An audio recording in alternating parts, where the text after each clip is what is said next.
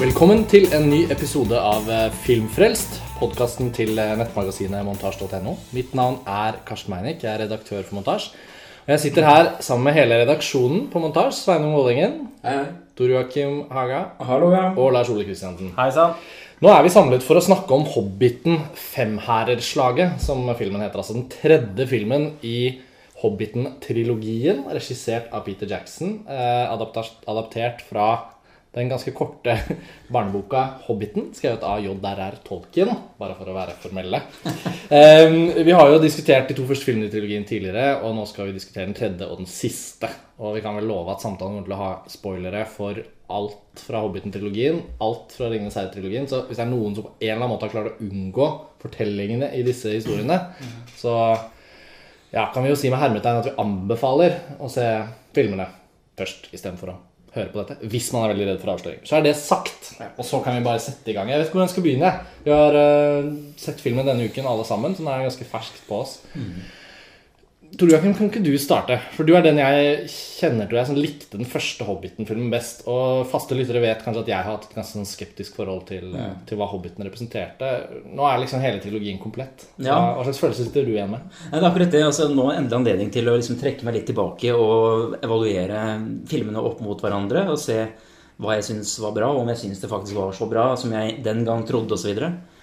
Og um, jeg står nok fremdeles fast på at uh, den første Hobbiten-filmen var en fantastisk opplevelse den gangen jeg så den. Men det har jo også veldig mye med formatet å gjøre. 3D, HFR, som var, uh, som var liksom startskuddet der, ikke sant. Andre film likte jeg godt. Masse fint i seg. Jeg tror kanskje i ettertid at jeg har eh, overvurdert den litt. For den var veldig høyt på min liste over det årets filmer. Og så kommer vi da altså nå til, til tredje film som er eh, Som jeg hadde store forventninger til. Eh, og som, eh, som skuffet eh, meg ganske markant, altså. Ja. Eh, og det er mange årsaker til det som vi alle sammen skal snakke om. Ja. Men eh, av oss eh, så er nok jeg den som liker disse filmene best. Så, så Og da er kanskje også, er også skuffelsen stor. Eh, Men jeg Ja, for du, også, du, du opplever jo nå også egentlig en skuffelse innad i Ja. Hobbit-trilogien. det var poenget mitt. Ja, Ja. ikke sant? Innad i Hobbit-trilogien. Eh, fordi jeg kan i hvert fall si da at det er ikke noen hemmelighet, eh, tror jeg, at, at for meg var den første Hobbiten-filmen en voldsom sånn Det støkk litt i meg. Jeg, husker vi to, Lars Ole vi, vi hadde jo såpass Da visste man jo ingenting om hvordan dette kom til å bli. At det var Peter Jackson som skulle gjøre en ny Tolkien-adaptasjon-trilogi. altså sånn, for alt vi visste, så kunne det jo være tilnærmet opp mot Ringenes herre-nivå. Samtidig så hadde jo ikke teasere og trailere og sånn helt vært superlovende. Nei, vi- man hadde jo litt modererte Ja. forventninger. husker, vi, vi var i hvert fall også såpass skeptiske i forhold til det HFR-formatet at vi, vi bare måtte se den første gangen i 2D. Ja, og samme kveld så gikk Og så sånn, samme eh, kveld senere på kvelden så gikk vi og så den en gang til i det 3D HFR-formatet for å liksom dekke oss inn fra alle kanter. da. Ja. Og, og jeg, jeg, klarte liksom ikke helt å ta inn over meg realiteten i skuffelsen den dagen og kvelden. husker jeg. Det var en sånn veldig sånn konfliktfylt opplevelse. Fordi, fordi jeg klamret meg fast til de tingene jeg likte ved filmen. Eh, før det eh, over tid sank inn at dette først og fremst var en stor skuffelse. Fordi den filmen, det filmuniverset, det visuelle universet, alle de tingene som nå er Hobbiten-trilogiens varemerker, eh, er så langt unna de samme kvalitetene i Ringenes herre-trilogien som det er umulig å ikke eh, liksom, trekke veksler på. Hadde det vært en annen regissør som gjorde Hobbiten-trilogien, skulle man separert det mye enklere. Nå er det fortsatt Peter Jackson, det er samme fotograf, det er samme Det er på mange måter grunn til å kunne forvente at de på sett og vis skulle holde samme nivå, selv om det ikke er samme historien og alt det der. Ja, fordi til og med selv om historien i seg selv ikke holder samme nivå, det gjør den jo per, liksom, litt per definisjon ikke. Hobbiten er jo en ganske mye magrere fortelling enn eh, Ringenes herre, som er et virkelig epos med masse eh, historielinjer eh, som egentlig nesten alle sammen er engasjerende eh, på hver sin måte. Eh, Hobbiten har jo ikke det, og det kunne man ikke helt forventet, selv om de da på veldig sånn megalomant vis skulle lage tre filmer. og på alle på Nesten alle, i hvert fall. På over to og en halv time. Og lage en trilogi, da, akkurat som Litt som for å på en måte gjenskape eh, ikke bare liksom magien fra fiksjonsuniverset i 'Ringenes herre', men også liksom gjenskape dette løftet, da, liksom satsingen, ambisjonen. Ja, men jeg bare har lyst til å skyte inn det som bare spesifiserer i forhold til det dere snakker om nå. fordi at jeg er jo helt med dere på at dette er en helt annen eh, filmatisk eh, tekstur på disse nye filmene enn på de tre, altså originaltrilogien. som jo er fantastiske mesterverk. Men altså, for meg var altså opplevelsen av dette nye universet, av den herre syleklare måten å se fossefall og bergknauser og ansiktet på, det var altså Skjønner du? Det er en sånn uavhengig eh, nytelse som, Ja, som ikke egentlig var noe med, med original Det respekterer jeg Nei, veldig. det, det, den ser jeg også veldig. Og, men altså sånn eh, Men eh, poenget mitt var jo at eh, på tross av det som man ikke kunne forvente at eh, Hobbiten-trilogien skulle eh, liksom være de, de, de tingene som man ikke kunne forvente at skulle være på samme nivå som Ringenes herre, da. Eh, det, har med, det har med fortellingen og, og karakterene og sånn å gjøre. Men ikke med det visuelle uttrykket. Det, med det samme teamet om bord som du er inne på, Karsten, så burde man kunne forventet at det skulle være minst like gjennomarbeidet Altså med nesten tre ganger så høyt budsjett. Og eh, Til og med med det, det HFR-valget og sånn. Jeg tror ikke egentlig det heller er problemet. Det er sånn Du sa det før vi begynte opptak, bare for å ta et dumt eksempel. da. Statistinstruksjon.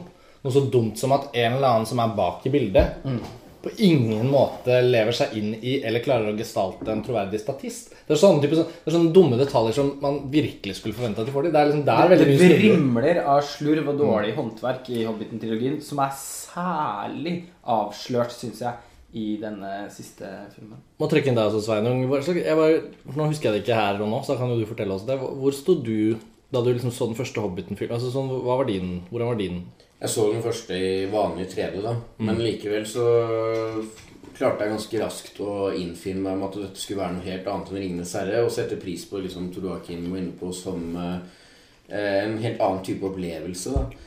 Um, jeg vet ikke, jeg har, jeg har alltid vært veldig glad i 'Ringenes herre'-filmene, men jeg hadde nok ikke så høye forventninger. Jeg mistenkte litt at det kom til å bli noe, noe annet. Du også. gledet deg ikke for tidlig? Jeg gleder meg ikke for tidlig, nei, jeg gjorde ikke det. Uh, og det var litt med det at den boka Jeg visste at den boka var så kort og alt. Og, men, uh, men jeg er helt enig at det, det er eh, liksom selve fortellingen. Det er der uh, det største problemet ligger. Og nå så er den forrige filmen i HFR, og da fikk jeg på en måte litt den der nye opplevelsen med det, som var gøy. Men, men både i den og den første filmen så følte jeg at det var Det var i hvert fall noen enkeltsekvenser, eh, noen, noen scener, øyeblikk som liksom eh, sto fram, og som jeg liksom følte at det på et eller annet vis rettferdiggjorde kinoopplevelsen. da.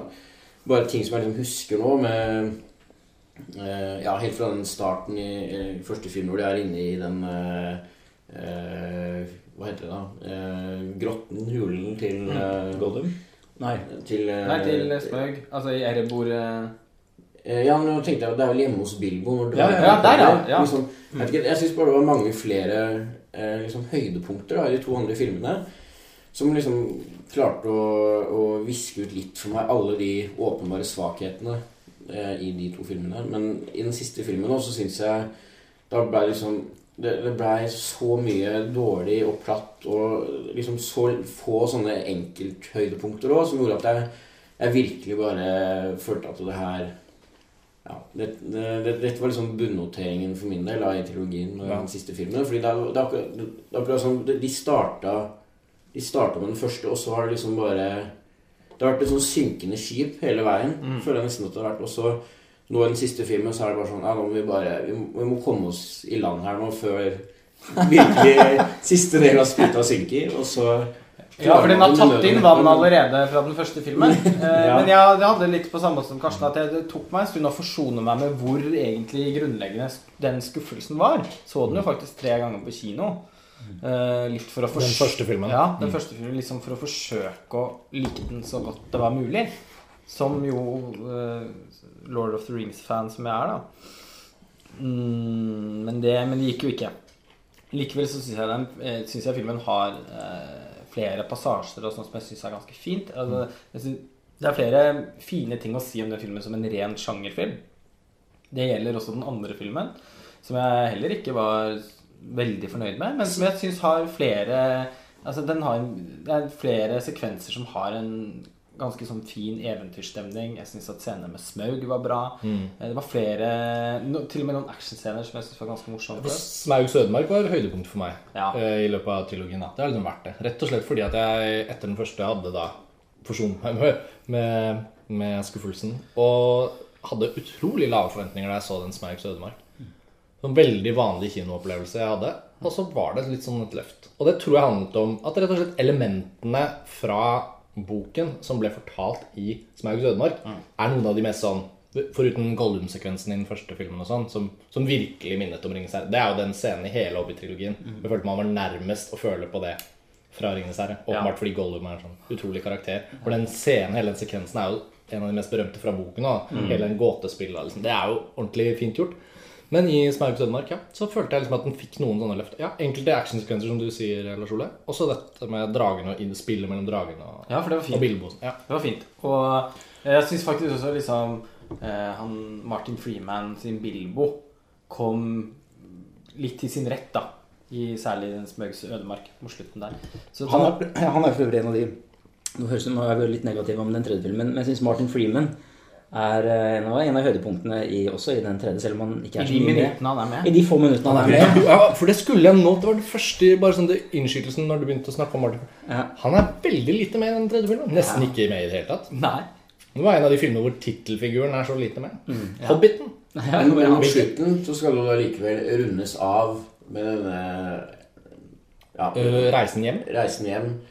Det, hvor, ja, hvor det liksom Det er bare ett av mange eksempler hvor man har liksom prøvd å Prøvd å knyte dette sammen, og så blir det så tydelig at det er akkurat det man har prøvd på, og så funker det ikke. For hvorfor skal jeg liksom nå bry meg om at han skal hjem igjen? Og det har vært to timer med bare alle mulige andre vesener og bråk og støy. Jeg har nesten ikke sett han, og så skal det liksom rundes av. Det det veldig Som om det er Ringenes herre. Lada med noe veldig sånn, kunstig.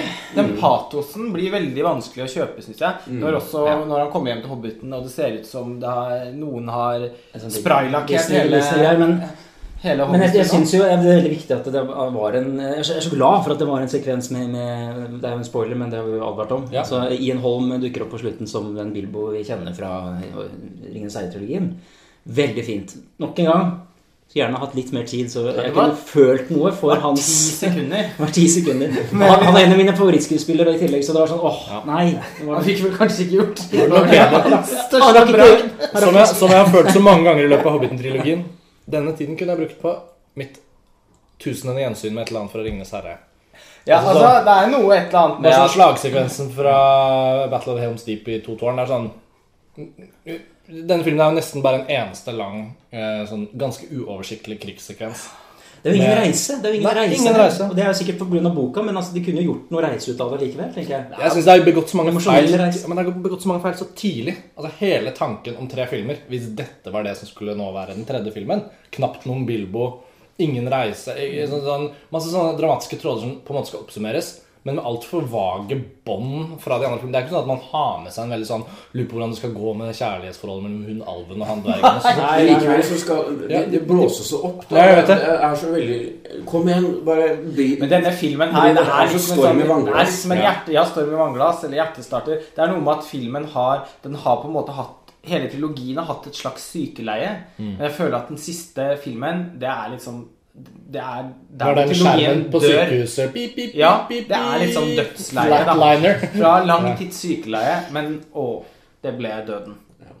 Eh, sånn Det er veldig deprimerende, og jeg, tror, jeg, håper, eh, de, jeg håper lytterne våre vet hvor enormt glad vi er i 'Ringenes herre'. Og dette er på en Ja, måte det Dette kommer ikke bra fra sånn, hei. I hvert fall min skuffelse er Jeg har føler et enormt behov for å liksom sette den i rammen av at den ikke kommer fra et sånn hater-perspektiv. Nei, og, og, vi gjør den ikke. Den kommer fra, fra noen Ja, som Et broken heart. Masse eh, virkelig har hatt lyst til å Det litt sant. Når, når, når rulletekstene kommer til eh, Battle of the Five Armies med den samme, akkurat som Atter en konge, hvor det er tegninger av alle karakterene, Mm. og, du liksom, og man kjenner at liksom Oh, men det, det, de betyr ikke han, noe. bryr meg ikke om Nei, det betyr ikke noe. Og når de ansatte på Colosseum kino hadde kledd seg ut i sånn halvhjertete Gandalf og alve- og fantasy-kostymer Når de feide popkorn. som vi hadde rotet bortover til den forteksten, så fikk jeg nesten lyst til å gå hjem og gråte litt. Det som, jeg husker i, forbi, I forbindelse med Ringenes herre-trilogien så ble det laget i flere land forskjellige typer sånne fandokumentarer. Og det som, jeg, det som har vært litt sånn fascinerende nå, har vært laget en sånn fandokumentar om Hobbit-trilogien som handler om liksom, min andre siden av medaljen. da En sånn helt, mer sånn tøm, alle de som på en måte har blitt skuffet av Hobbit-trilogien, og det er jo ikke bare oss. Nei. Og liksom ta det perspektivet, så eh, tenk så, og så med sånne sam, visuelle sammenligninger. Hvorfor ble det så dårlig her når det var så bra her, og etc. Et Sorry, Tor Joakim, jeg vet du er, du er mer positiv enn oss andre, men Ja, ja, men jeg føler at jeg, det er også behov for å Før liksom alt slukes opp av, av hat og døden her, så er det viktig å, å påpeke at det fantes noen lyspunkt i denne filmen også. Hva, hva er lyspunktene i, i Fem hærer? Er lys i tunnelen. Ja, men Jeg synes det var morsomt i stad. Jeg måtte bare vise fra iPhonen min, for jeg tok noen bilder av de som skubbet gulvet inne på Colosseum. Hvor det ene var veldig uklart. Hvor du ser bare en sånn vag, mørk skikkelse med en slags rive. Og hun Sveinung sier 'Det er døden, det'. Det ble veldig poengtert i forhold til filmen. nå, kanskje. Ja, det var det jeg følte nå. At det går litt opp. Men seriøst, hva var lyspunktene i Femhæreslaget? Ja, altså, ja, det, det mest åpenbare høydepunktet var jo åpningssekvensen, som vi er ganske enige om at var ganske fin. Altså Smaugs angrep på denne elvebyen. Eh, Veldig, veldig engasjerende sekvens, hvor, hvor, hvor det også er en del tekstur da, i, i hans angrep. Ja. Eh, ja. Vi bare oppdaget at det var tomt for kaffe. Ja, jo. Og du føler at det er ting på spill, og det er, det er litt lidelse, og det er litt sånn og sånn. Um, og veldig flott, mye flott visuelt. Og jeg liker også en sekvens som følger ganske tett på den, som er altså denne, denne kampen på toppen av et fjell med Saruman. Det er vel det eneste, eneste glimtet vi ser av Saruman og, og Galadriel i, i filmen. Hvor det er jeg elsker den der store kreft som kjemper mot hverandre, og det er lys, og det er flammer, og det er liksom You shall not pass! Det var, det var liksom den, denne Litt bedre det. Ja. Dette, men jeg Jo, men den. Jeg syns også den sekvensen hvor det var noe sånn Det var litt sånn utenom, utenom Hobbit-aktig aktivitet fra gamle helter og slemminger. Ja. Jeg hadde ikke noe problem med det. Jeg syns det var sånn ålreit nok. Og da var ikke filmen kommet så langt. Men dere to andre hadde mye større Altså Som ren camp så skal jeg ikke si at det- jeg kjedet meg ikke under den sekvensen. på en måte Nei, det var ikke det, det var camp. Det var, det var underholdende, men det var også skikkelig corny. Ja, det syns jeg var rett og slett var helt eh, forferdelig dårlig. Eh, det, det, det bryter sånn med teksturen i hvert fall Og igjen så er det 'Ringenes herre'-trilogien som har etablert dette universet. Det- Og så Hadde man satt den sekvensen midt i, i midten av To tårn, f.eks., da tror jeg man hadde blitt svimet av. Av eh, Kvalitetsfallet. Ja, altså sånn Her har du da De er fremstilt som sånne slags superhelter som Eh, Og hvor disse maskulene var sånn spøkelsesaktige som nesten sånn tones inn og ut som om de var digitale. Det var nesten helt ubegripelig. Eh, måten det var visualisert på, helt i utakt med måten lignende skikkelser og sekvenser er visualisert på tidligere i eh, Ja, i hele liksom sagaen, da. Eh, den grønne Galadriel var kanskje heller ikke det jeg hadde mest intenst behov for ønskereprisa fra, fra Ringenes herre-trilogien heller. Selv om det likevel funker veldig mye bedre der. Fordi Det er et av mine minst favorittøyeblikk i hele Ringenes herre-trilogien. Mitt også. Men likevel Når i det And you will have a queen, Ja. not dark, Og- but Det er en av de få sekvensene i hele Ringenes herre-trilogien som jeg fortsatt, etter utallige gjensyn, alltid får litt sånn oh. Ja, det er litt sånn share. ja. Men Du venter bare på det autotunen, så er vi i gang. What am I supposed Ja, to do? uff, uff. Ja. Men Nei, men altså eh, Men, men i det sykelige blålige, blålig lyssatte Lottelorien så kjøper jeg det likevel mye, mye mer, da. En, en, en her Eller på, på en måte man kan si nei, kanskje man kjøper det enda mer her fordi det passer inn. Fordi alt er sånn. Eh, det, det, det, er, det er som en sånn halvhjertet dataspillfilmatisering. Eh, og, og, dette, og de, den type estetikk, det, man, det Peter Jackson prøver seg på her, det er noe andre er mye bedre på. Altså, det kunne Zack Snyder eller Tarzan Singh gjort bedre. Det, det var, ja, og det hadde ikke vært i min villeste fantasi at de skulle filmatisere Hobbiten. Hobbiten. For å, og for ikke å snakke om å lage en trilogi av av Hobbiten. Men jo mer jeg tenker på det, så blir det jo mer og mer åpenbart for meg at det hadde vært bedre hvis noen andre gjorde dette her. Hvis det var det manuset som var utgangspunktet, og det var sånn de skulle gjøre det.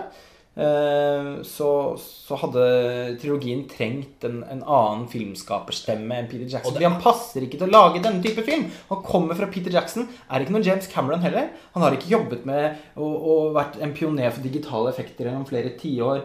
Uh, ta Avatar, da, som også er et gjennomsegifisert uh, univers, men som har en, egen, en veldig distinkt estetikk, også et, et autøravtrykk, eh, en, en tekstur.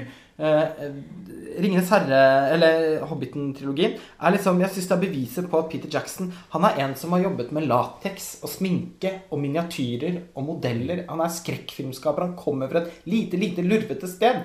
Og det var noe av grunnen til at 'Ringenes herre' ble så praktfullt da. Det så så håndlaget ut. Det var laget på sinnssykt lavt budsjett i forhold til hva de skulle få til. Alt som kunne bygges og, og sminkes, ble bygd og sminket istedenfor å, å, å bli CGI. Men altså, nå syns jeg ikke eh, at denne filmen er så CGI-ladet som et par tidligere eh, eksempler fra de to tidligere filmene. Jeg syns faktisk det var en del flotte eh, ja, en del flotte vistaer var det her, som kombinerer natur og, og CGI på, på fin måte. Og det var og det var selvfølgelig mindre tant og fjas i denne. På, kan man si at det er på godt og vondt, da. Eh, I forhold til film, film Ja, for det spesielt. lille fjas de hadde da inkludert, var veldig mislykket. Det var det jo. Dessverre. Men det var, altså, det, var ikke, det var ikke så mye med han, han, med han de harene og det, det var bare så korte glimt av den, den type Men han ble jo veid opp, veid opp av han, eh, han kjeltringen med gullmyntene. Ja. Gullmyntene i BH-en og sånn. Det blir jo sånn. humor på sitt aller verste. Ja, ja. Det Det, gikk sånn fra en annen tid, nesten. ja, det er sant. Men jeg, men jeg Altså Det er liksom noe med at Peter Jackson ikke helt fins i denne filmen. Det Ja, det han kanskje pass- sier ja, og han, han passer ikke til å lage best- denne Nei. typen film. Det er ikke dette som er hans estetikk opprinnelig. Hvis man går tilbake til Det er ikke kjem, sånn et uh, kjempeoverforbruk av CGI-effekter, f.eks. Det, er- det, er- det har ikke noe med han å gjøre. Jeg føler at han er helt For det er en av de store misforståelsene om Ringens herre-trilogien. På tross av at det er masse CGI-effekter der. Og banebrytende var det jo. Ja, ja, ja. Så er det likevel sånn at de beste tingene ved hvordan hele originalideen for hvordan man skulle lage filmer ut av den svære, tykke boka, det var jo at de tok en innstilling om at det er som om alt dette har skjedd. Og at vi er liksom arkeologer. altså sånn Restene eh, bruker, bruker New Zealand-naturen. Det er en eller annen grunn til at ikke de har pushet dette med New Zealand-naturen så mye nå i forbindelse med den tredje filmen. Det er, så, det er vel Er det to-tre minutter, minutter med ekte bilder fra New Zealand i løpet av hele filmen? Eh, Vet man merke noen sekunder her og der. Ja, altså. men ok, men følelsen er i hvert fall eh, Og den innstillingen til hvordan man skulle liksom la Midgard komme til live gjennom å bruke ekte locations, ekte rekvisitter, ekte sminketing og sånn. Altså orkene i Ringenes herre-trilogien føles som sånn genuine monstre, faktisk. Apropos det du sier med lateks og sminke og liksom sånn og sånn.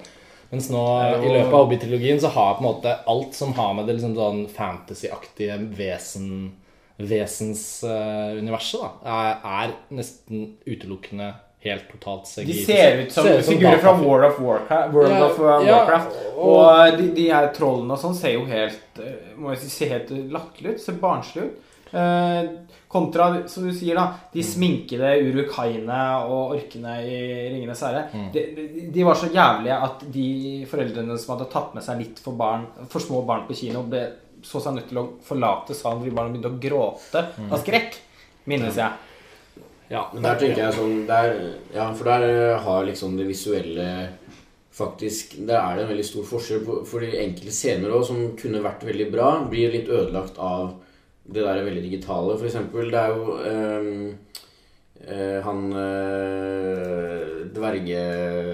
Torin, Torin. Han har jo denne slåsskampen med uh, denne store orken. Altså, Den ja. siste slåsskampen.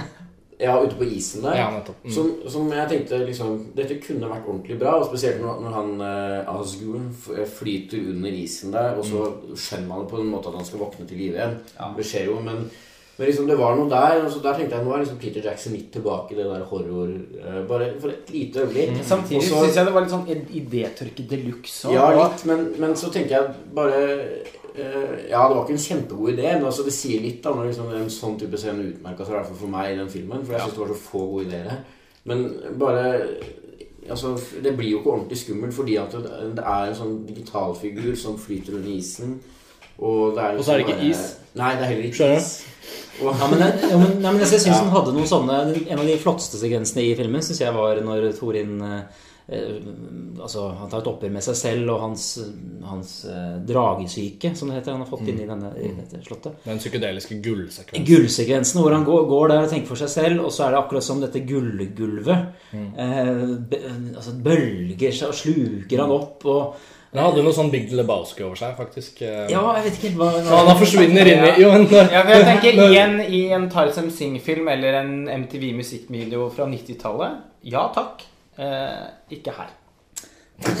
Nå ble du, nå ble du Ja, litt kappet ned. jeg- det var, Jeg er helt enig i det. Jeg synes det, det var liksom en sånn, et, et eksempel da, på, på hvor, hvordan det kunne vært hvis det hadde vært gjennomført i samme stil for en del andre Men sekvenser. vet du hva? Det, Jeg- er egentlig enig med deg, Tor Joakim. Det er faktisk en sekvens hvor man åpenbart ser at de forsøker å uttrykke noe gjennom en visuell idé. Ja. Eh, som faktisk er mye sprekere enn en del andre langt mer sånn idéfattige løsninger i filmen. Jeg syns f.eks. Den, dette, denne eh, duellen på isråken var noe Jeg syns det var ganske fantasiløst, da. Isråk-duellsjangeren, på en måte. Hvor isen sprekker og Det syns jeg man har sett så ufattelig mange ganger Til og med den forferdelige sluttscenen i Jacques Audiards Rust and Bone er det bedre på sånn is og under isen enn Enig. Og det var en scene jeg hatet ganske mye. Joseph Rubens The Good Son òg. er ja. betydelig det Nei, Jeg skal, altså men jeg var også skyte Jeg Jeg har var ikke litt sett så mange sånne issekvenser. så Jeg, bare- jeg skal ikke si at jeg ble imponert over denne, men jeg, jeg, Eller issekvensen issekvensen fra Chain Reaction.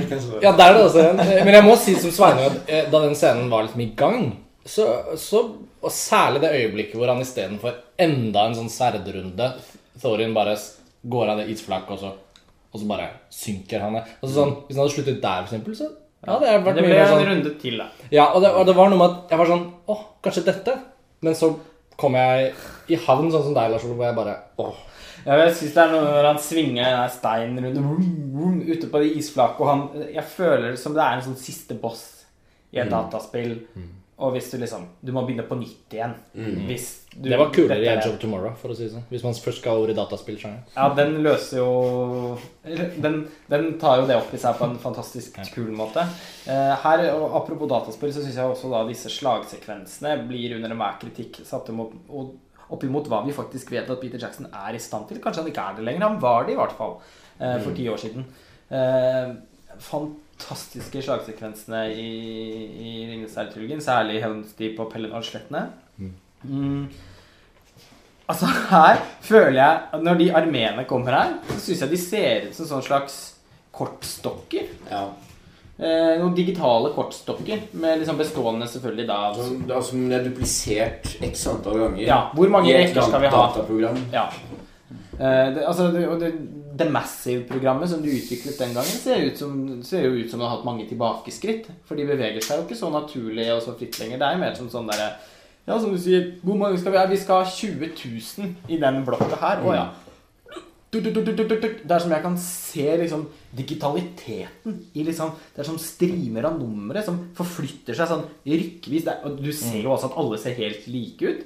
Eh, Når de har disse sveipene, virtuelle sveipene, for det er ikke et ordentlig kameraarbeid. Det er, Ja, det er også et stort problem. Ja, Mm. stort problem. Men jeg synes jo at alvene de skal jo være veldig ekstremt samkoordinerte. Da. Så der er det en slags poeng at det skal være så veldig Det ser ikke sånn ut i Hemstip når de kommer og Når de snur seg der, så ser du at Det er bedre. Det er akkurat sånn at alle er individer. på en eller annen måte. ja, Og du ser at de første radene av den rekken, det er faktisk statister. Ja. Ja. Eh, Vi bør skjenke oss litt Farris her. Nå kommer det sånn bruselyd på, men det, det, tåler, det tåler dere. Uh, i, eh, jeg Jeg syns altså Femæreslaget Jo, men jeg syns liksom resignasjonen Den er ordentlig lei.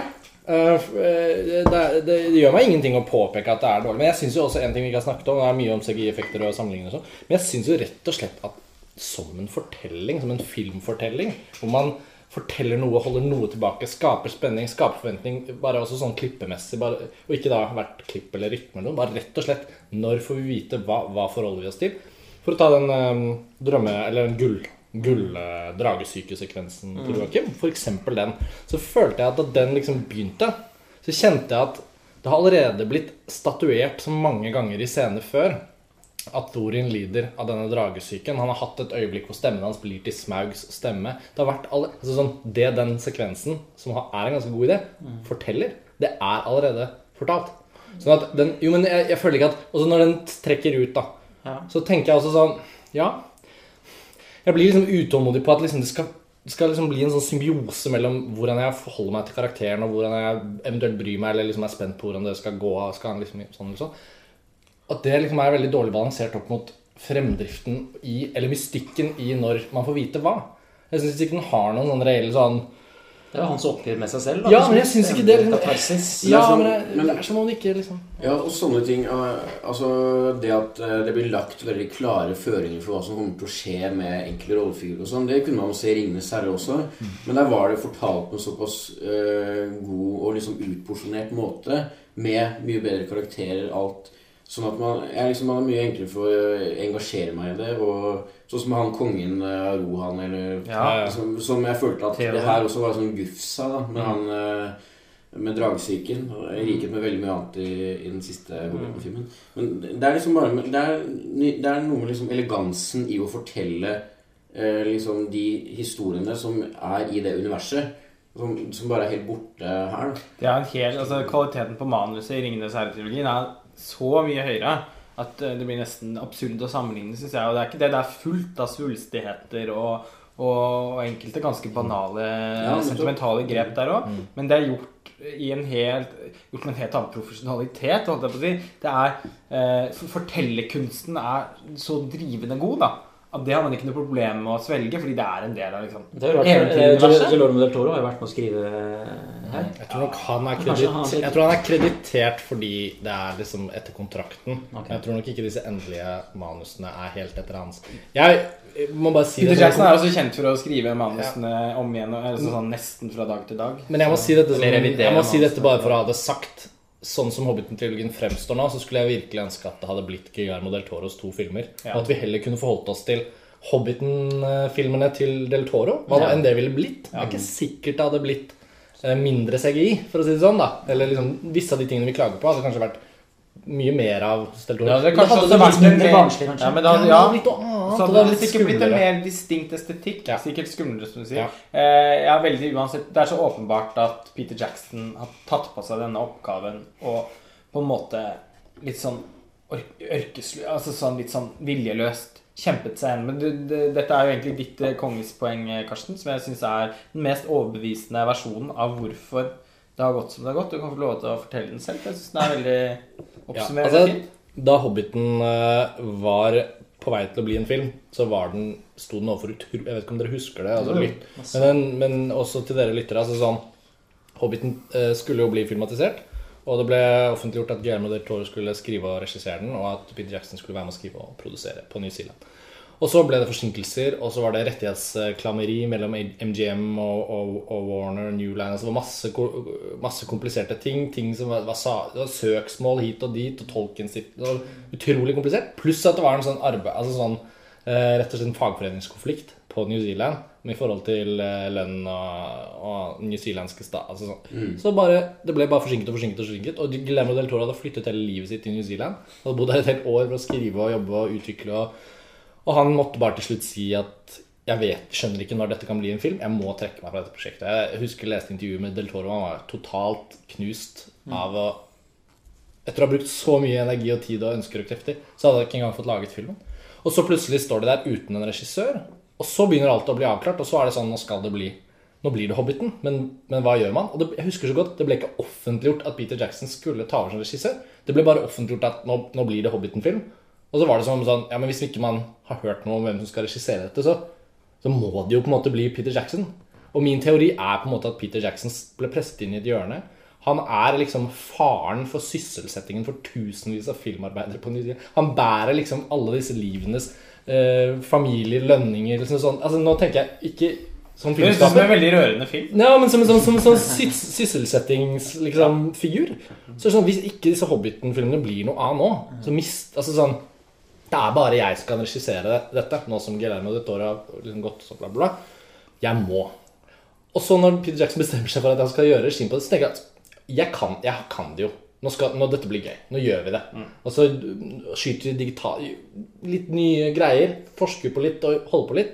Og så begynner de å jobbe, og så er det sånn Vi lager tre filmer. Det- det- Trilogi blir enda mer sysselsetting. Vi får, holde- vi får holde på med det enda lenger. Enda mer penger. Mer penger inn i systemet. Alle er happy. Alle de som jobber, alle cateringfirmaene i Wellington alle de som, så- ja, Det er det jeg tenker. Mm. Pete Jackson er så godhjertet og har så stor samvittighet overfor det miljøet på New Zealand at han kunne ikke ikke gjøre det.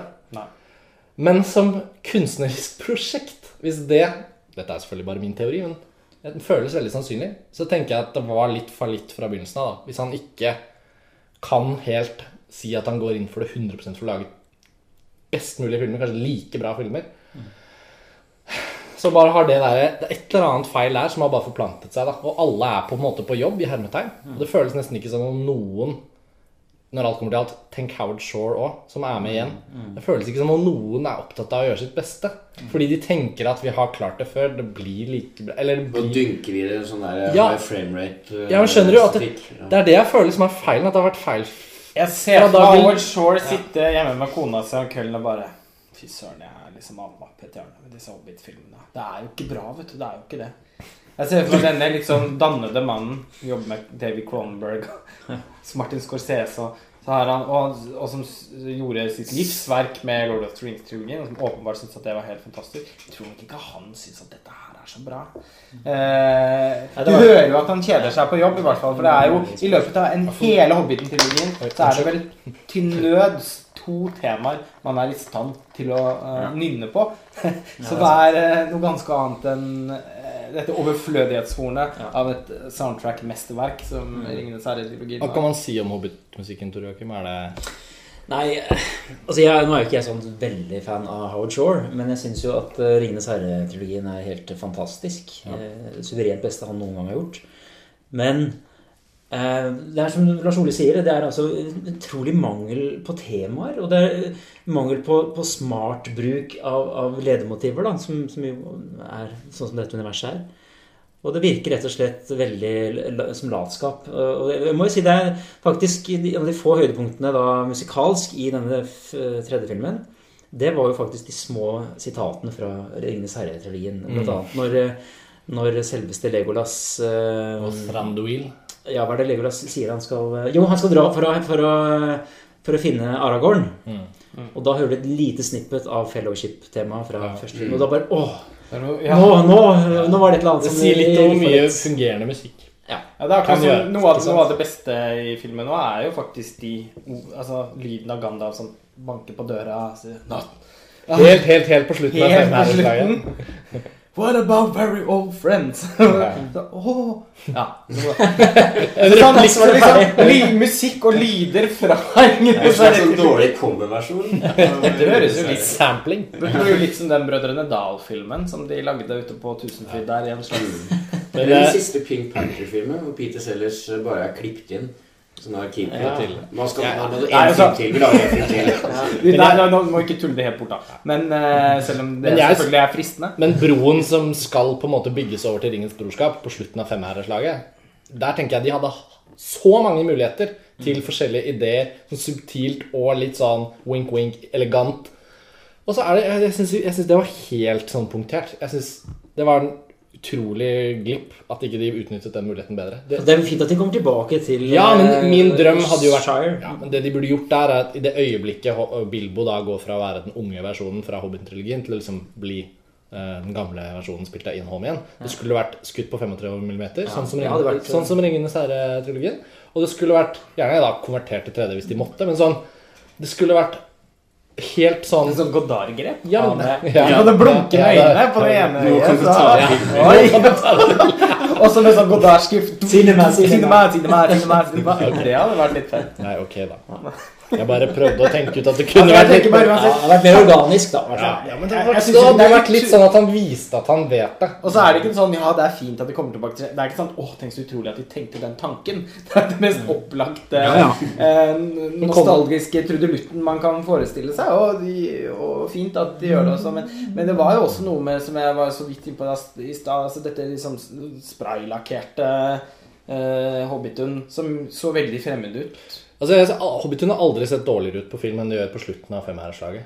Si. Det var, var ikke ordentlig grønt i gresset, og det var Det var grønt, men det var sånn det var sånn, sykelig grønt. sy, Sånn ja, det var sånn sy, det var sånn Jim Charles Carrey, den Sjokoladefabrikken mask. Ja, eh, grønt. sjokoladefabrikken. Eh, det var sånn Wow! Hva skjer her? Så-. Ja, og de hobb... Jeg, bare, jeg synes, Ja. Et av de universene fra Tolkien-verden som jeg har liksom syns har vært sånn ordentlig sjarmerende. Det så ut som sånn cosplay.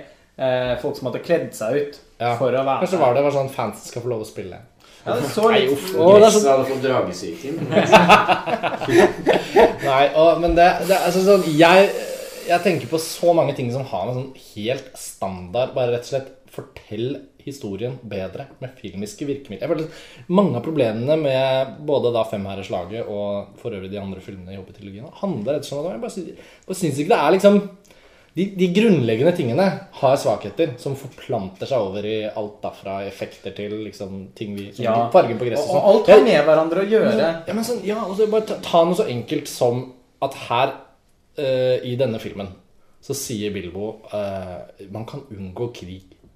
Uh, jeg tar denne steinen Hva heter den igjen? Hilde, Ja, jeg tar, ja, jeg tar denne steinen, og jeg, og jeg går til Det husker jeg veldig godt fra boken nå. Liksom Bilbo liksom Sånn, nå har dere noe å forhandle med. Her har dere den steinen, den vil han ha. Så kan vi bare bli enige om at det ikke skal bli en krig. Greit nok så kommer jo de onde kreftene uansett, så det er ikke det. Nei. Men liksom, det er jo faktisk et, en handling som skal inspirere til en tematisk inngang til å si noe om forskjellen mellom krig og grusomheter og det gode fred og sånt, som virkelig er en ting i Ringenes herre, da. Og jeg syns rett og slett hvordan For det er så mange parallellhandlinger i Hobbiten-trilogien, akkurat som i Ringenes herre. Og det, da kan man gå på helt enkle sånn klippevalg. Hvordan balanserer man parallellhandlinger i løpet av en slagsekvens for at vi både A skal bry oss om de menneskene som Eller vesenene vi liker som er, står i fare, versus liksom en sånn slags sånn tematikk. Sånn som den stenen blir det jo aldri avklart hvor det blir av, f.eks. I Femherreslaget. Den blir bare forlatt. Som en sånn Den er vel hos han Thranduil ennå, da. Han øh, Ja. han er med hjorten.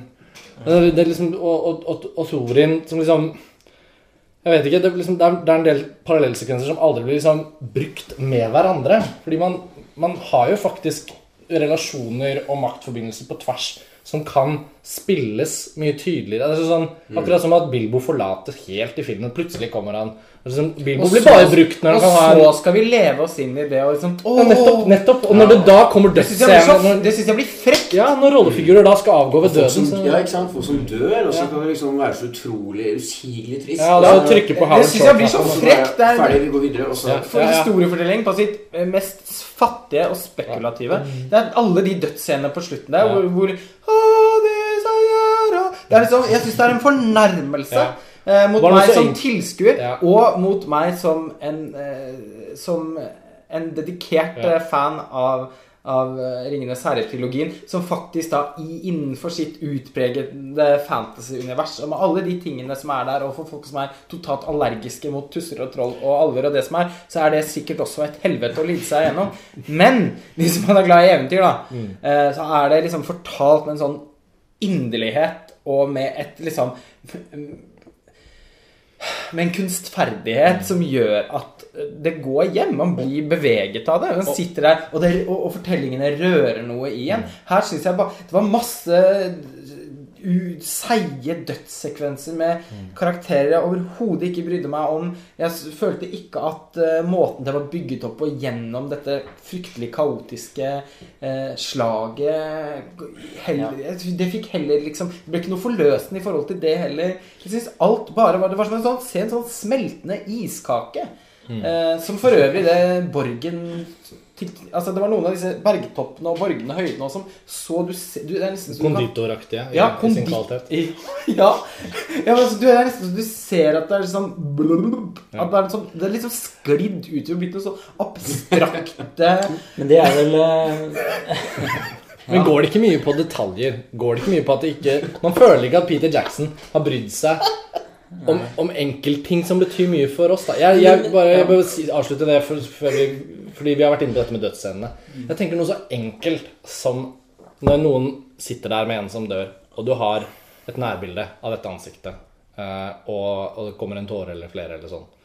Jeg føler I Femherreslaget så er de fleste sånne nærbilder et bilde av et sånt Et ansikt er nå en gang en skuespillers ansikt, men det føles helt sånn digitalt polert. Eh, Og så er det kanskje én tåre som akkurat i den tagningen er liksom øh, maskinelt med noe dryppgreier. Altså sånn, og så der kom den tåren. Mens i 'Ringenes herre'-trilogien, når Eowyn eller hvem som helst har en sorgreaksjon på slagmarken, eller hvor som helst, så kjenner du liksom på teksturen i et herjet ansikt. Det har vært tårer i min, flere minutter før bildet endelig kom. Altså sånn, Bare sånne detaljer som det. Bare det å passe på at når du filmer et, en sånn Når, når hobbitene gråter ved ja. Boromir og så, sånn Pippin han rives ut av Urukaina. Ja. Altså, altså, sånn, tenk så mange fantastiske øyeblikk Ja. som vi har vært med på, og så få dem som er i. Men jeg tror problemet der, det, det er detaljer du er inne på, men jeg mener at det også er sånn makroperspektivet. For det, eh, og det var inne på helt i starten, at filmen har ikke det reiseperspektivet. Altså, og da snakker jeg ikke bare om fysisk reise, men en emosjonell reise. ikke sant? Nettopp.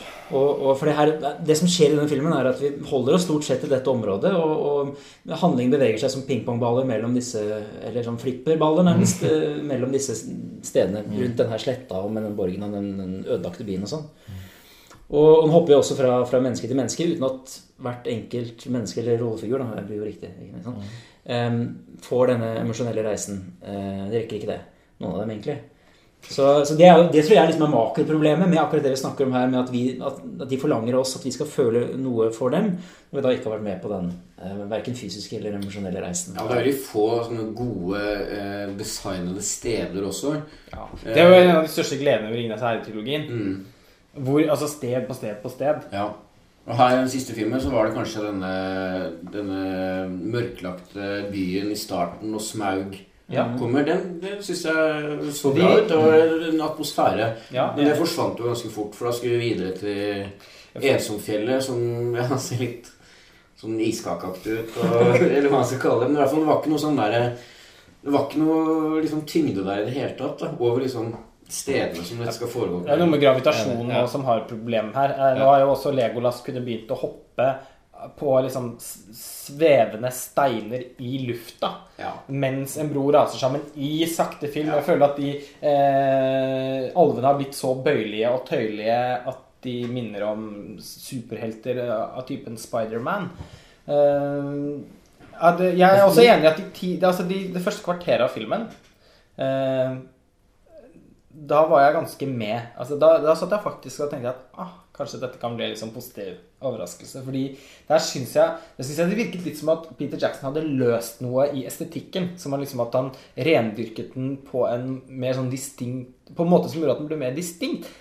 Fortsatt litt sånn julekalenderaktig eh, look på enkelte ting, men men, men i, i, alle fall gjennomarbeidet. Og det var en stem, som du var inne på, Sveining, det var en stemning der. Den byen er også produksjonsdesignsmessig ganske tøff. Mm. Og den var bra i toeren syns jeg. Ja, jeg det- det var veldig bra i toeren. Jeg var veldig overrasket egentlig hvor godt jeg likte alt det der i, i toeren.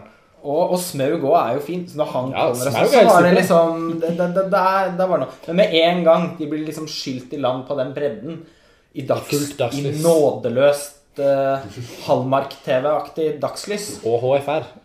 Og Ja. hvor mange 4K, 5K, Og her 6K, ser 7K og, og digitale her må man snakke om liksom håndverk. Fordi altså, Apropos dette med tårene og, folk som jeg, For meg er det ikke detaljer i det hele tatt. Jeg syns det er forskjellen på en bra og en dårlig film.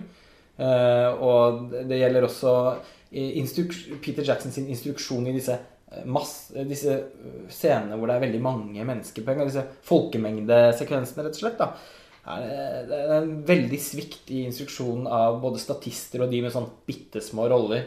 Sånn eh, Folkene som går rundt og roper på de antagelig døde foreldrene sine. Det er, så, så, dårlig, det er sånn barneteater-dårlig. Det ser ut som de ikke har fått beskjed om hvorfor de skal rope. Nei. Det er bare sånn du, her, du skal rope litt her nå. Kan du ikke bare Og så neste tagning mer! Ja. Altså enda mer! Å ja. Og alle Og det er bare sånn mimikken i ansiktet altså, Noen ganger det, det er virkelig sånn Det er svakt gjort. Det, det er like overbevisende som når Tone Damli Aaberge sier for 150. gang på Idol Du har hatt så utrolig utvikling! Det er liksom Det var den replikken jeg også tenkte på. jo, men, ja, Det var bare det mest utroverdige og følelsesløse jeg klarte å komme på. Eh, Men, men eh, det er liksom det kommer ikke innenfra. Det virker så sånn Det er som om noen folk har blitt plass det, Jeg vet at dette høres veldig hånlig og jævlig ut, men det, jeg syns det er sannheten. Det er klønete, dårlig gjort. Det er masse folk som, som stues sammen i et hjørne, og det settes opp noen kamera, og vi må komme oss igjennom dette her, og Fordi vi må ha jobbene våre på New Zealand i bevaring. Ja, altså, det, det er Det bare ikke det, det, jeg, jeg skjønner ikke hvordan man kan argumentere for at de scenene der er godt gjort. Det er bare de, de, de som, som om, den 48 frames per second-estetikken og det sinnssyke dagslyset og det, det er ikke noe stemning av død og fordervelse og sorg Altså- der heller. Det er eh, Det har jo handlet også litt om hvordan stedene speiler historien òg. Det, det syns jeg fungerte veldig bra i, i eneren. og Spesielt da Rivendell-sekvensen, hvor, hvor det er fantastisk eh, bruk Altså hvor 3D HFR-formatet kommer så til sin rett. Hvor du kan ta på alle ting og, og sånne ting. Mens her er det jo ikke så spenstige steder som den teknikken, teknologien kan liksom komme frem i. Og samme inne hos Smaug, syns jeg. I toeren særlig. Altså, jeg synes egentlig Det var bare så vidt jeg skjønte det selv når du sa det i stad. Smaug er faktisk den eh, enkelttingen i Hobbiten-trilogien som jeg syns er feilfri. Eller sånn. Ja, det er Det- kjempebra. Jeg synes Alt som har med Smaug å gjøre, er de faktisk, har de fått til. Ja, det har de fått til. Og Og god, liksom god gammeldags Ja. eh, Rett og slett kjempebra. Helt ned til voice-castingen av Bendik Ja, Cumberbatch. og og- uten sammenligning for øvrig så føles det litt som det Gollum var i Ringenes herre-trilogien. Men Gollum i Ringenes herre-trilogien var bare omgitt av andre ting som fungerte overalt. Ja. Mens det blir veldig sånn skrikende at Smaug er liksom en så vellykket skapning. Men apropos det som liksom Tor er inne på med landskaper og, og iscenesettelse som speiler stemningen eller tonen i, i scenen, da, sånn som den er skrevet i manuset, eh, det er det jo så også Det var jo så bra i 'Ringenes herre'-trilogien. Altså, ta en tilsvarende scene som denne strand... Kaller den bare strandscene i, i Battle of the Five Armies. Ta liksom de scenene i to tårn ute i Rohan der, eh, med sånn eh, høstgult eh, gress og, og bygninger som brenner, og folk som gråter, og Der får man virkelig en sånn følelse av skrekk. Mm. Eh, og at det, liksom, at det er fælt. Og ta sam og med Howard Shores musikk, som understreker det. Ta liksom, så sammenligning Det er Kvalitetsforskjellen er altså så enorm. Men også narrativt hvor ekstremt unødvendig det er. Se, for, se det for dere. Smaug dundrer i bakken. Klipp til Bilbo og dvergene oppe i fjellet. De skjønner at et eller annet har skjedd. Smaug er død. Klipp til menneskene som er på vei opp fjellet, snart oppe ved dvergene. Trenger ikke liksom, Det er jo innforstått at de selvfølgelig søker ly et eller annet sted. Hva er det nærmeste stedet? Jo, det er den forrige byen som nå ligger som en ruin.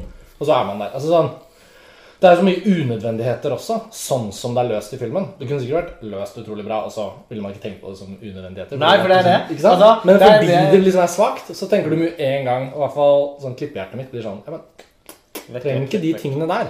Og så kan man bare bruke en og annen ellipse et og annet sted for at vi bare er med på at mellom dette klippet og dette klippet så har det selvfølgelig skjedd det, og så er vi med på det. Tenk i Ringenes herre-trilogien hvor mange ganger liksom bare dukket opp en reddende hær eller et eller annet sånt.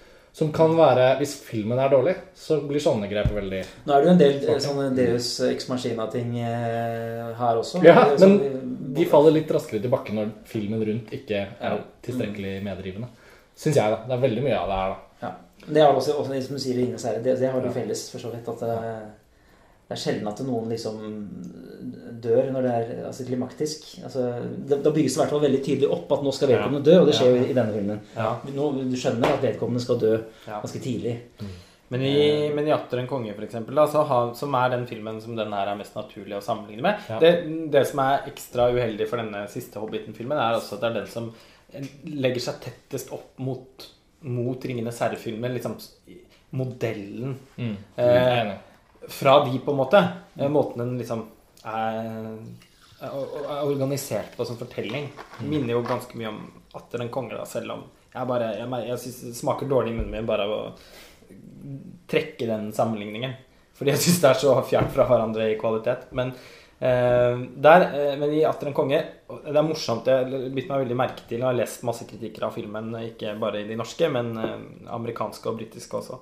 Og Veldig mange påpeker jo liksom at ja, ja, denne gangen slipper vi i hvert fall eh, en, en endeløs rekke med avslutninger, sånn som det var i Atter en konge. Det har liksom blitt en sånn veldig greie rundt at, mm, at det var så forferdelig dårlig. Nei. Til og med liksom i Erlend Lo i Aftenposten, som jo har elsket Hobbiten-trilogien, og som tror jeg også er veldig fan av Ringenes herre-filmene, da.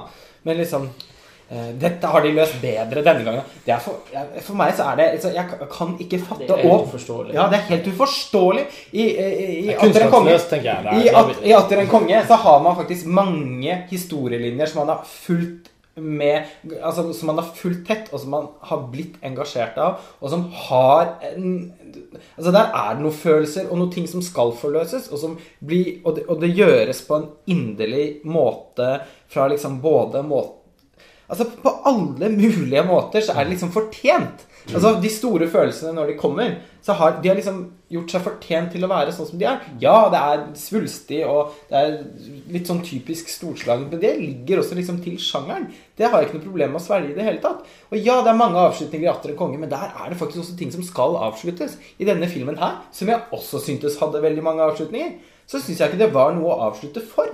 Det var jo som du sier, Tor Joakim, det har ikke vært noen reise. Det har ikke vært noen emosjonell reise. Det er ikke sånn at jeg sitter oppløst i tårer når eh, Bilbo sier farvel til alle dvergene som jeg har glemt navnet på. Eller, eller prøver, prøver å minnes uh, Thorin, så får han ikke liksom helt frem ordene. For det, da skal vi liksom tenke altså, Da skal vi være Den fantastiske relasjonen Ja. som Ja. de har hatt. Og det tenkte jeg Det synes jeg var litt flaut, altså. Ja, det var flaut, altså. Da tenkte jeg sånn Nei, nei, det, Nei, og- det rører deg ikke det så mye, ikke, Bilbo. Men, det, det ganske- rører ikke oss. men jeg, jeg syns jo Martin Freeman er en av de beste tingene ved, ved alle filmene, og også denne. Men du, du ser jo liksom da at uh, Han, gjør så godt han kan. han gjør så godt han kan, med, men altså Jeg vet ikke hva han har tenkt rundt den der, de replikkene der knytta til, til Thorin. Altså, skal, skal, presser han fram tårer, eller hva er det som Alt ble jo filmet før de visste hvordan det skulle bli. Så det er jo alltid sånn. Alle tenker jo at dette kommer til å bli en fantastisk rørende Jeg husker at. Martin Ja. Freeman sa i hvert fall før eh, i forkant av premieren på den første filmen at ja, det er, vi har jo veldig mye å leve opp til, men dere skal bare få se Peter Jackson har faktisk klart å overgå seg selv. Og bare Åh. Det var det vel ikke så mange som og, og jeg tenker at hvis det er noe positivt med Hobbiten-trilogien sånn Totalt bortsett fra at den også har hatt noen fine øyeblikk, og at det er underholdende filmer, på en måte, altså sånn som rene sjangerfilmer, så er det jo, eh, så, så er det jo helt uh, Jeg kan godt forstå at de kan appellere til til en del publikummere som bare har lyst til å gå på kino og ha en, være med på en berg-og-dal-banetur, liksom. Det er helt greit. Eh, Men jeg tror nok først og fremst at de bidrar, bidrar til å liksom få også kanskje flere til å innse hvor bra Ringenes herre-trilogien faktisk var. Og at det nok kanskje er vanskelig å lage en tilsvarende eh, Altså en fantasy som kan måle seg nesten med det i dag. Også Game of Thrones, da, eventuelt. Men, eh, ja, ja, det er jo fantastisk, men, men, men, det er litt annet. Det er det er noe annet. er noe annet, ja. Altså sånn, Jeg tenker på rent sånn audiovisuelt, da. Eh, måten det er gjort på, er Det er nesten utenkelig å forestille seg at man kan gjøre det i dag. Fordi, eh, fordi vi har, det er så mye CDI-effekter, og budsjettene blir stadig høyere. Og det er, liksom, det er akkurat som det er en sånn tilbake Det, det, det er gamledagers. Ja. Det er litt sånn gamledagers film, nesten blitt, selv om det var aldri så nymotens og, og, og oppsiktsvekkende når det kom. Ja. Og kvaliteten i de filmene, den sånn håndlagede teksturen Jeg tror at Hobbiten-filmene vil bidra til å, å bevisst liksom Ja, nei. Det blir spennende når de kommer i, til et tidspunkt i samme boks, eh, som de sikkert gjør. Mm. Hobbiten og Ringenes herre sammen. Skal sikkert lages en sånn massiv utgivelse. Ikke sant? Hvordan det vil oppleves. Men ja. Nei, nå er vi kommet til eh, veis ende også med vår tilgjengelige tid for dette opptaket. Så selv om vi jeg, jeg føler jo at det er masse å fortsette å diskutere. Det blir sikkert anledning til fremover. Er det noen siste sånne Jeg syns jo din oppsummering var ganske god, Lars. Eh, Det var én ting jeg ikke helt fikk nevnt, da. Ja. Eh, og det var at eh, det har jo vært en ganske sånn synlig motbølge mot Ringenes herre-filmene i løpet av de siste årene. Også før Hobbiten-trilogien kom. Fra å vært anerkjent av de aller fleste eh, filmkritikere og, som, som mesterverker når de kom. Um, og utallige Oscar-priser osv. Så, videre. så har det liksom vært hvert fall blant sånn feinschmeckere en slags sånn derre Men var det egentlig så bra? Og ja, det var, det var tøft når det kom, og da vi var ungdommer, men når man ser på det i dag, så er det egentlig Så holder det ikke mål, eller eh, Jeg føler at den motbølgen får seg en positiv Motkraft. motkraft. I, eh, liksom bare gjennom Hobbiten-trilogiens eksistens, da. Ja, det løfter jo bare 'Ringenes herre' fordi du kan ikke angripe de kvalitetene der. Og så, vil jeg bare skyte inn på det du sa i stad, at liksom er, Jeg tror vi er på et sånt komplett metningspunkt når det kommer til sånn CGI-bonanza. Og det er annet Christopher Nolans 'Interstellar' et eksempel på, uansett hva man skal si om den filmen sånn eller sånn. Så i hvert fall sånn rent sånn at han har gått til det skrittet å gjøre en sånn film med minimalt med CGI-effekter, føles friskt og moderne. Altså sånn, Hvis noen skulle gjort et eh, fantasy-univers nå, da, skrevet og kanskje liksom tenkt ut et, et, et eller annet som skal på en måte ligne på noe à la Tolkien eller Ringenes herre, så ville jo det kuleste og mest moderne ville vært sånn skyt på 35, så mye praktiske locations som overhodet mulig. Det er jo det man kan bare håpe at JJ Abrams nå gjør med episode 7 i Star Wars. da. Jeg tror det også skal være en motreaksjon mot men jeg tror også jeg tror Game of Thrones vi snakket om i stad, er noe helt annet. Men jeg tror også det kan være det er, allerede er en slags innflytelses... Ja, de bruker jo altså sånne bruken av sånn kystbyer i Kroatia og Ja, Island ja, ja, og Irland Masse og det er tekstur, korn, og ja, ja. der, der er det masse. Men eh, Game of Thrones du er ekstremt eh, inspirert av 'Ringenes herre'. Ja, Ja, ja, men ikke så, ikke så inspirert av Hobbiten-trilogien. Nei! altså sånn, For de bringer jo faktisk noe av den arven videre, da. Ja, det er det, som er poenget mitt. Ja, ja, det synes er jeg er et godt poeng. Men, men Game of Thrones skal jo sies at baserer seg hovedsakelig på en sånn uh, såpeaktig dramaturgi. Som jeg, jeg liker det, jeg òg, så det er ingen, ingen kritikk ment som kritikk, i hvert. Men det er en annen morsom måte å strukturere et fancy eller sånn, den typen univers på. da Mm. Istedenfor å gå for en sånn episk reiseaktig Selv om det er masse episk i Game of Thrones, òg, så er jo liksom kjernen i det at man skal se en episode til, se en episode til, Ja. er alltid disse såpeaktige, dramatiske konfliktene, og at eh, liv og død står på spill hele tiden. Ja, så jeg har veldig altså, sansen for. Det er en sånn føljetongaktig Ja. dramaturgi. Jeg elsker jo Game of Thrones, jeg òg, men Bortsett fra at eh, du ikke har sett eh, den siste. jeg har ikke sett den eh, fjerde sesongen, fordi jeg, av en eller annen merkelig grunn så venter jeg til de kommer på Blu-ray Um, som jo bare er rart, og som alle er til meg for. Men uh, det gjør jeg nå, da. Uh, så for jeg liker ikke å se dem på Mac-en. blir bra i februar. Det blir ja, like gøy hver gang. Eh, den langhelgen i februar hvor man kan se Game of Thrones på Blu-ray. Men eh, altså, det jeg er enig med så det som dere snakker om da. Liksom den, det, eh, 'Ringenes herre' er, er liksom en opera. Eh, det er ikke Game of Thrones. Det, de, sånn, de er jo på en måte også fryktelig forskjellige som, som fantasy. Men eh, det estetiske som jeg er inne på, der, der ser man liksom en veldig positiv arv fra det Peter Jackson en gang var en foregangsfigur foregangsfigur Ja. for. Og som han nå er blitt den liksom verste forræderen. Peter Jackson er nå ferdig med tolken, får vi håpe. Og jeg håper å krysse fingrene for at han da beveger seg inn i en helt annen fase i filmografien sin. Men jeg, frykt, men jeg frykter at vi kanskje har sett det beste eh, av ham, dessverre. Hans neste film er jo Tintin. Ja, sannsynligvis. Men Tintin er ålreit nok. Eh, Vi får avslutte denne podkasten. Det var siste podkasten vår om eh, ja, Antageligvis siste podkasten vår om Hobbiten-trilogien. Mulig vi kanskje gjør noe på Tolkens filmunivers en gang i fremtiden, men vi får se.